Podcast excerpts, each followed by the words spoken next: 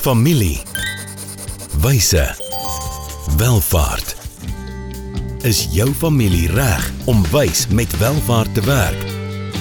Welkom by die weeklikse gesprek waar kenners saam met families na eerlike antwoorde op moeilike vrae soek. Ontdek ware wyshede vir jou familie se welvaart.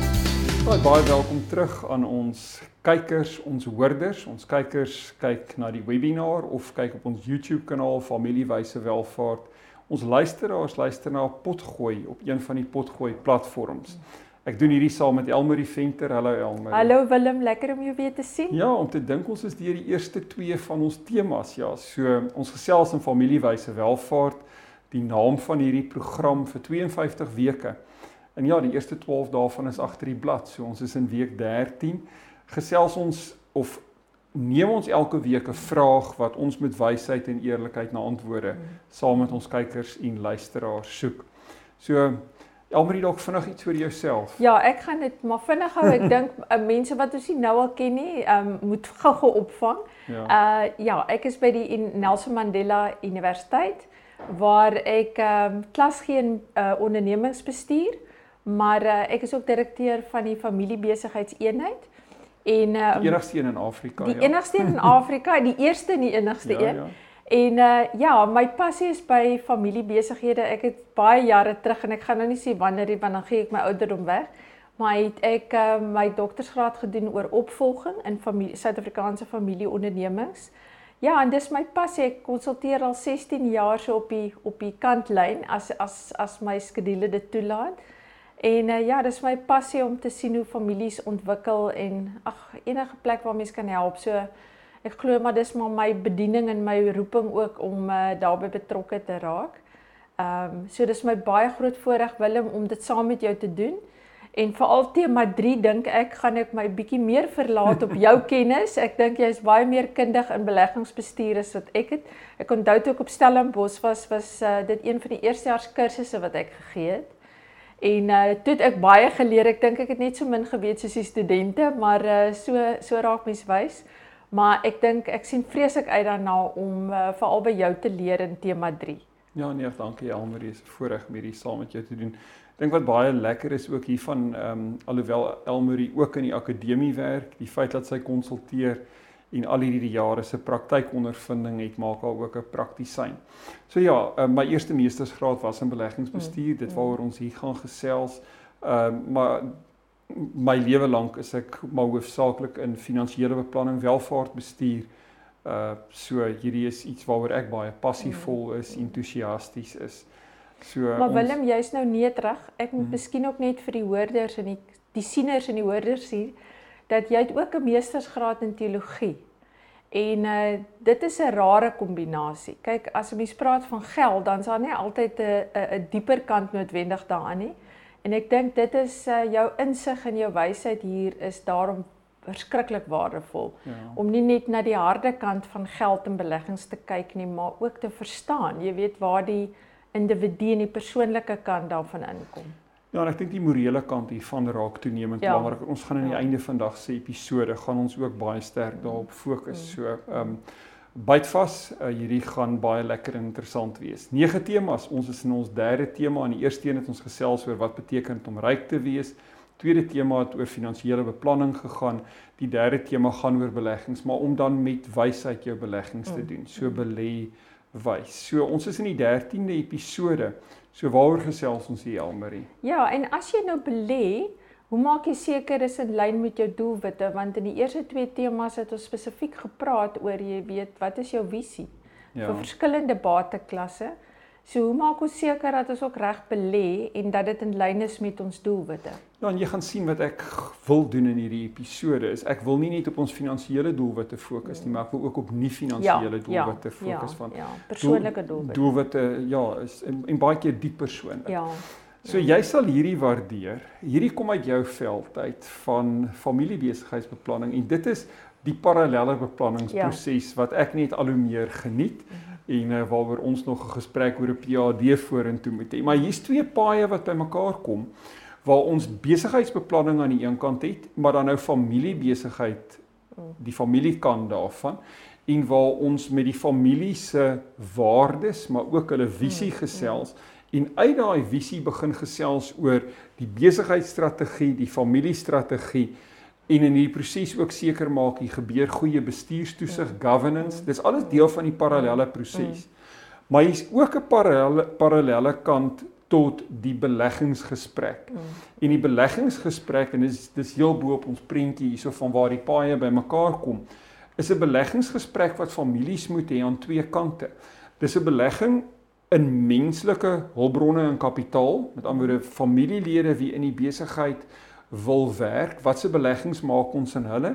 Hoe ontwikkel ons hierdie talent binne die familiebesigheid en hoe maak ons dan verdere beleggings binne die mm. besigheid? Mm. So so dit dit bly altyd 'n baie belangrike vertrekpunt wanneer mense oor beleggings binne familiebesighede praat, maar Ons gaan 'n bietjie ook fokus op ander beleggings wat die familie um op beurse maak, in markte maak, want die familie se belegging kan nie net beleggings in hulle self, menslike hulpbron kapitaal en in hulle eie besigheid wees nie. Hulle moet ook hulle risiko's diversifiseer mm. om buite hulle buite hulle besigheid um op ander plekke te belê. So dit gaan nie ja, hoof fokus. Willem, ek is nuuskierig um om jou um praktykervaring daarvan te hoor. My kollegas by Stellenbosch sê vir my dat um gedragsfinansies en ehm uh, wat noem mense dit gedragsbeleggings ja, ja, uh, waar wat by, emosionele beleggings ja, dit is ook iets wat verskriklik aan die toeneem is ja, jy gaan uh, as 'n familie wil jy dalk nie belê in iemand wat uh, sigarette verkoop nie of hmm. uh, ja ja ons gaan nou lekker daaroor gesels ja so hier's die twee kante van die proses so die die, die belegging in die menslike hulpbronkapitaal en dan die finansiële kapitaal. Maar terug na markte, beursbeleggings. Ehm um, die konsep van 'n bullmark, jy weet waar ons waar die mark lekker sterk hardloop en dan 'n beermark waar die beere uit is en alles verskeur en verslind. Dit sien ons tipies as ons na markgrafieke kyk, jy weet so weet mense kan net hierso in die laaste omtrent 30, 40 jaar op die Suid-Afrikaanse mark kyk was die tye gewees waar markte 30, 40% teruggesak het. En dan ook die periodes wat dit vat vir die mark om te herstel, net terug te kom na die vlakke waar dit was mm. voor die um, insinking. So dit wys dat daar beduidende risiko in markte ook is. Mm. Weet in die in die in die in die ops en afs. Ja die prentjie wat ons hier op die skerm sien is letterlik die maart maand toe die COVID pandemie nou behoorlik in die wêreld uh weet uh pos gevat het.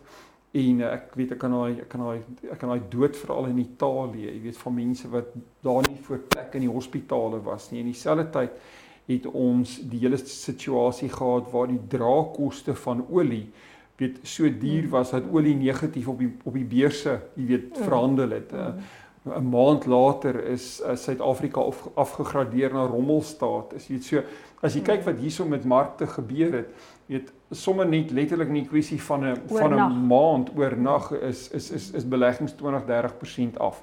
So dit is dis deel van van die risiko's uh, in beleggings, maar tog ehm um, belê mense er raak hulle betrokke in besighede en as mens nou na Maslow se kom ons sê se hiërargie van behoeftes gaan kyk, is dit so eie aan ons menslike mm-hmm. bestaan en ons DNA. Ehm um, daar's navorsing later gedoen uh, gegrond op Maslow maar meer in verbruikersgedrag en in bemarking. So die artikel het in die Harvard Business Review um, verskyn. What does your customers really want? En jy sal hierdie erken as as as die Maslow. Ja, as die piramide. Maar heel bo in hierdie piramide gaan dit oor sosiale impak. En dit gaan daaroor dat ons in dit wat ons doen, selfs ons beleggings, mm. onsself wil transcendeer. Mm. Ons wil van die wêreld 'n beter plek mm. maak mm. en ons wil onsself aktualiseer. Ons wil mm. ons wil mm. Iets van ons vingerafdruk daar los. Ons wil onsself, jy weet, laat mm. geld. So ons sien hierdie baie sterk in die wêreld van beleggings in wat ons noem ESG tipe van beleggings, impakbeleggings waar die mense sê of waar die breër publiek sê wanneer hulle belê, ek wil belê in 'n maatskappy wat die omgewing gesonder maak, waar daar goeie bestuurstoesig is, ehm um, ja, waar daar goeie sosiale impak ook op op op die op die breër samelewing is. So ek dink hierdie is 'n belangrike Willem, was dit episode 2 of 3 in ja. tema 1 wat ons spesifiek die vraag gevra het, hoe bou mense goeie nalatenskap? Ja. en dit dit geld ook vir beleggings. Absoluut. En 'n opmerking wat ek net wil maak, ek onthou baie jare terug toe ek eerste jaar was, want Maslow se motiverings ehm um, teorie. Ja. En een van my kollegas nie baie jaar terug nie het 'n studie gedoen waar hulle Maslow gebruik het op beleggings. Ek dink al is dit 'n ou teorie, is dit ja. 'n verskriklike praktiese relevante teorie vandag nog. Ja. Ehm um, ek is baie bly jy jy praat van Maslow. Ek ek dink dit is 'n maklik verstaanbare teorie. En uh, ja, dis vir my baie interessant om dit te sien toegepas word in die wêreld van beleggings. Ek het dit nog nooit so aangedink nie. So dit is uh ja, baie oulike teorie. Die die, print, die prentjie op die skerm en ons kan dit in die show notes vir ons uh, potgooi luisteraars en ook selfs die van julle wat op YouTube kyk, mm. gaan kyk as jy op die drop-down button in YouTube klik, ehm um, die notas mm. is is mm. daar, so jy kan ja. teruggaan. Maar hierdie spesifieke ehm um, prentjie op die skerm is 'n verdere verfyning van Maslow. So die vlakke is hierso, maar jy, jy kan gaan sien, weet dit word uitgebrei in in in tot in die fynste detail. En omdat ons verbruikersgedrag so presies kan meet, mm. weet wat koop mense, waar koop hulle dit, hoekom koop hulle dit, ehm um, raak hierdie eintlik 'n baie interessante veld. Ja, ja. Maar heel bo, ehm um, selfaktualisering en selftranscendering. So gedragsfinansies sê vir ons as mense gaan sit ons goed in boksies. Mm. So ehm um, hulle praat van mental accounting. Mm.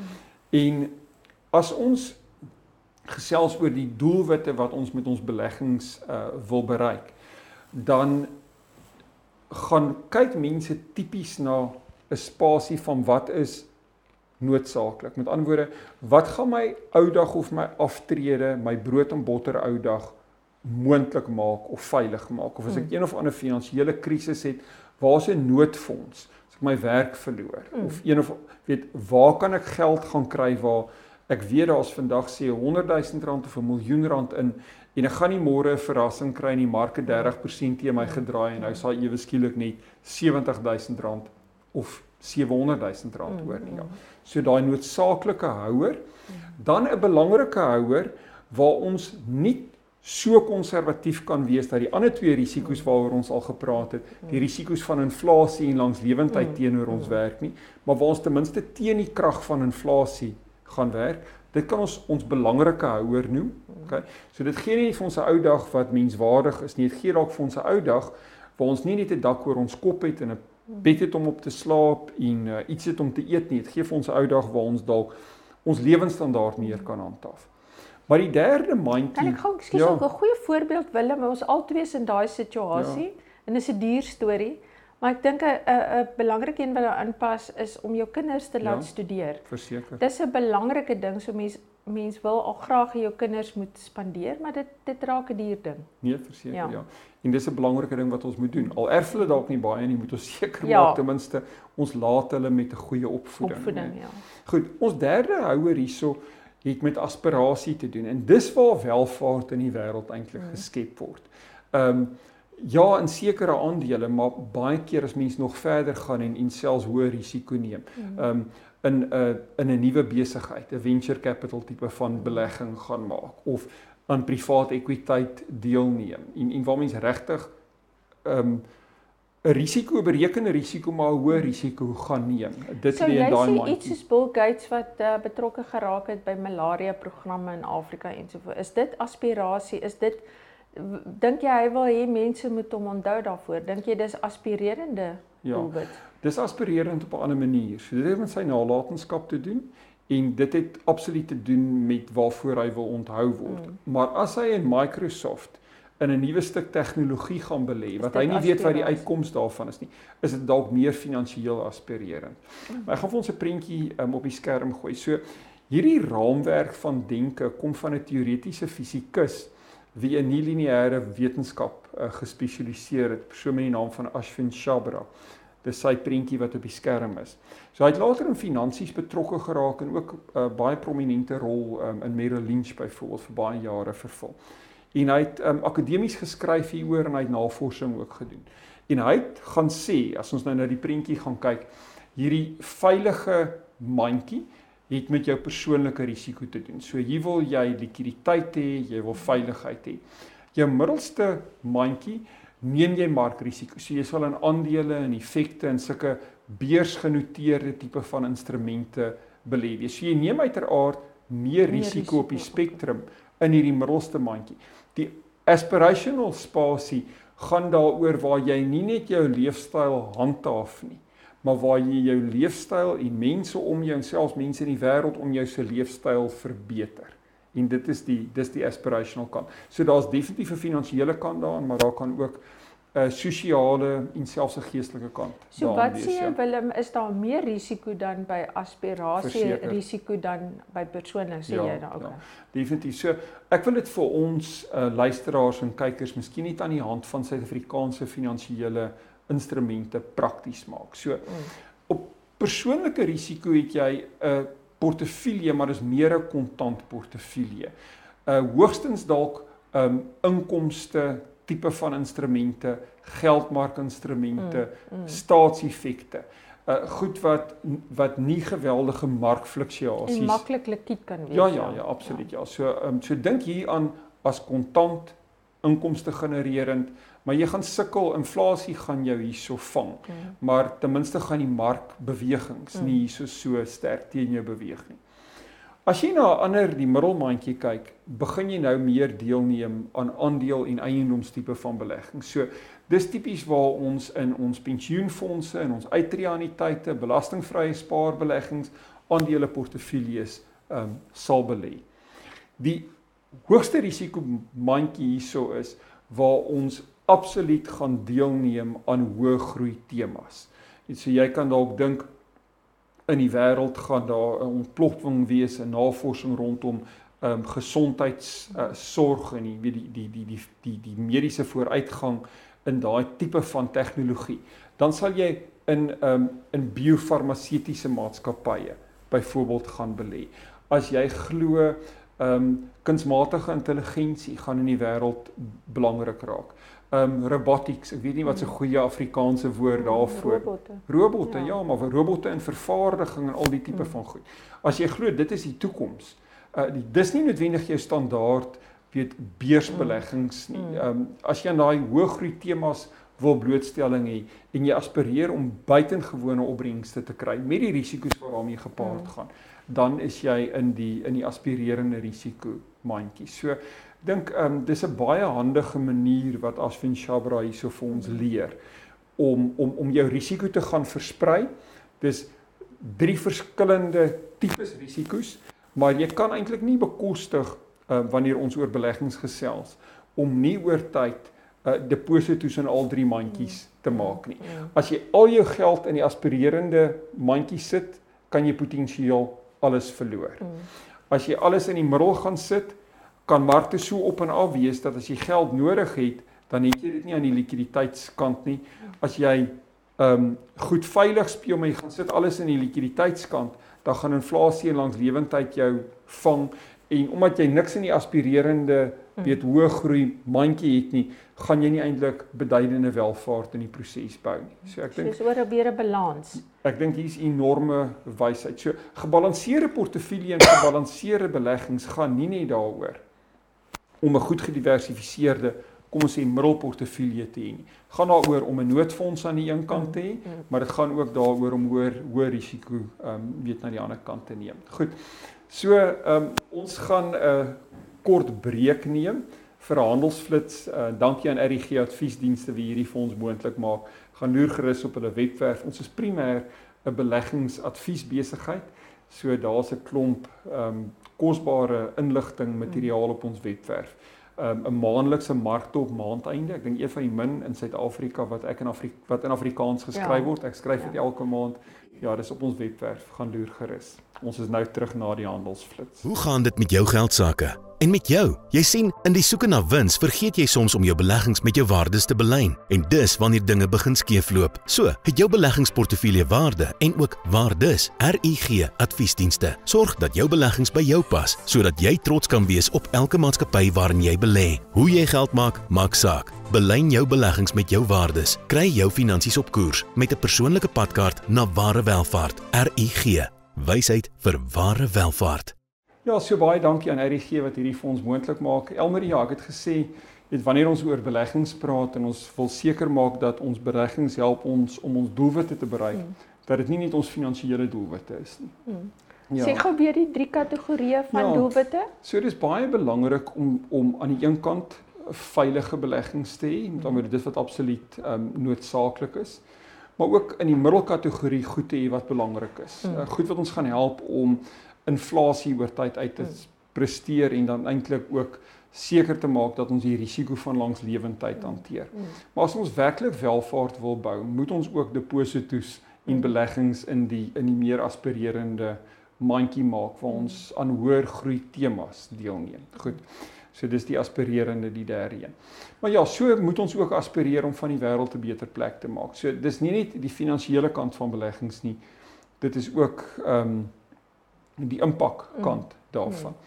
So ek gaan ehm um, op die skerm gaan ek 'n uh, 'n prentjie uh, laai.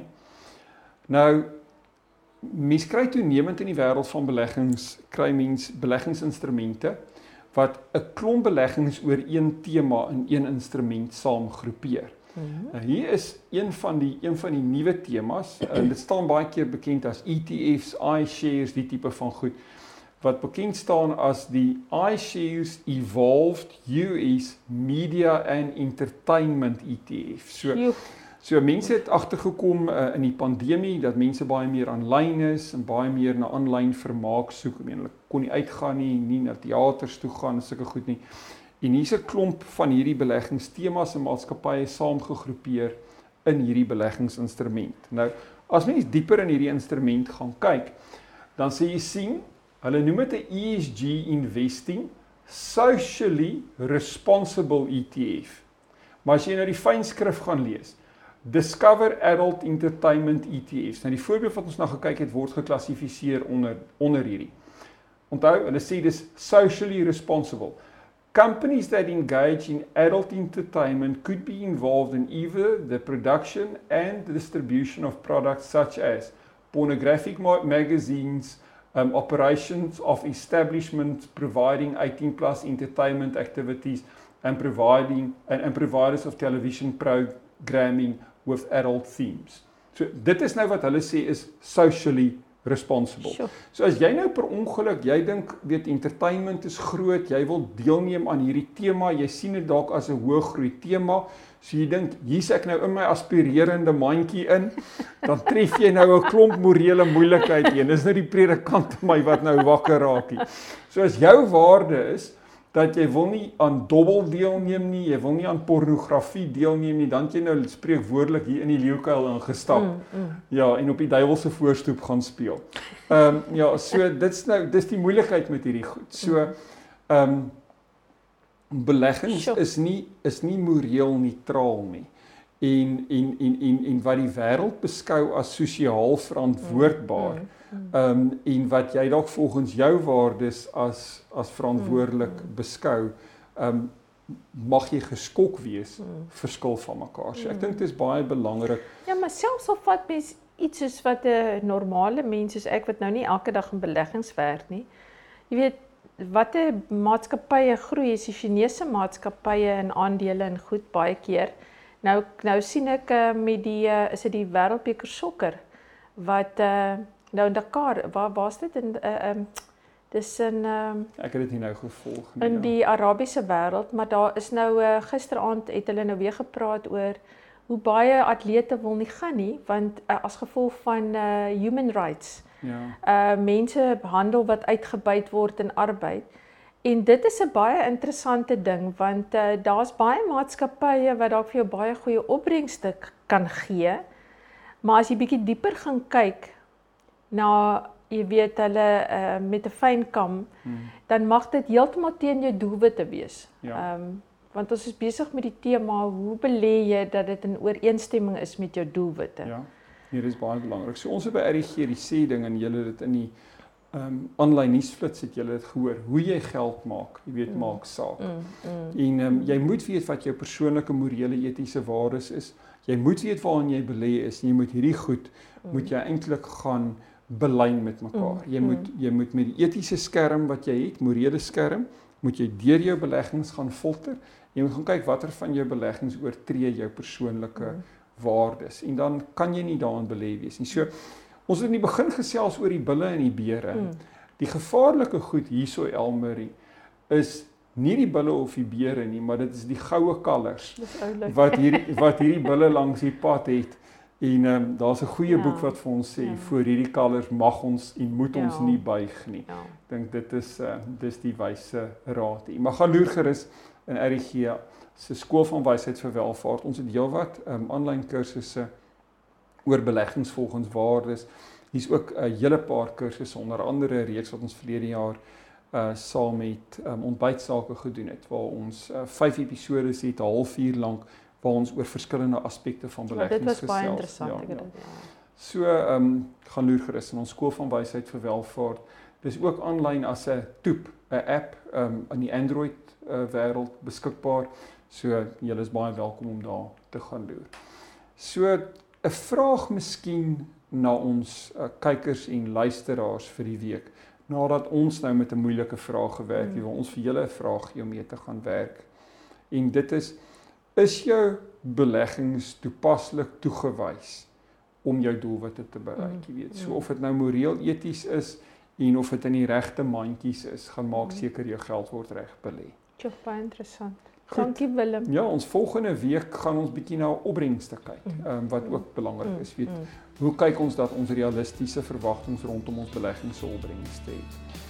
Baie interessant. Goed, dankie, ja, dankie Willem. Lekker saam met jou hier gekuier. Gaan loer gerus op RG se webwerf ook rg.ac. Tot volgende keer. Mooi bly. Totsiens Willem. Totsiens almal. Volgende keer gesels ons verder oor wyshede wat families nodig het vir ware welvaart. Familie. Wyse. Welvaart.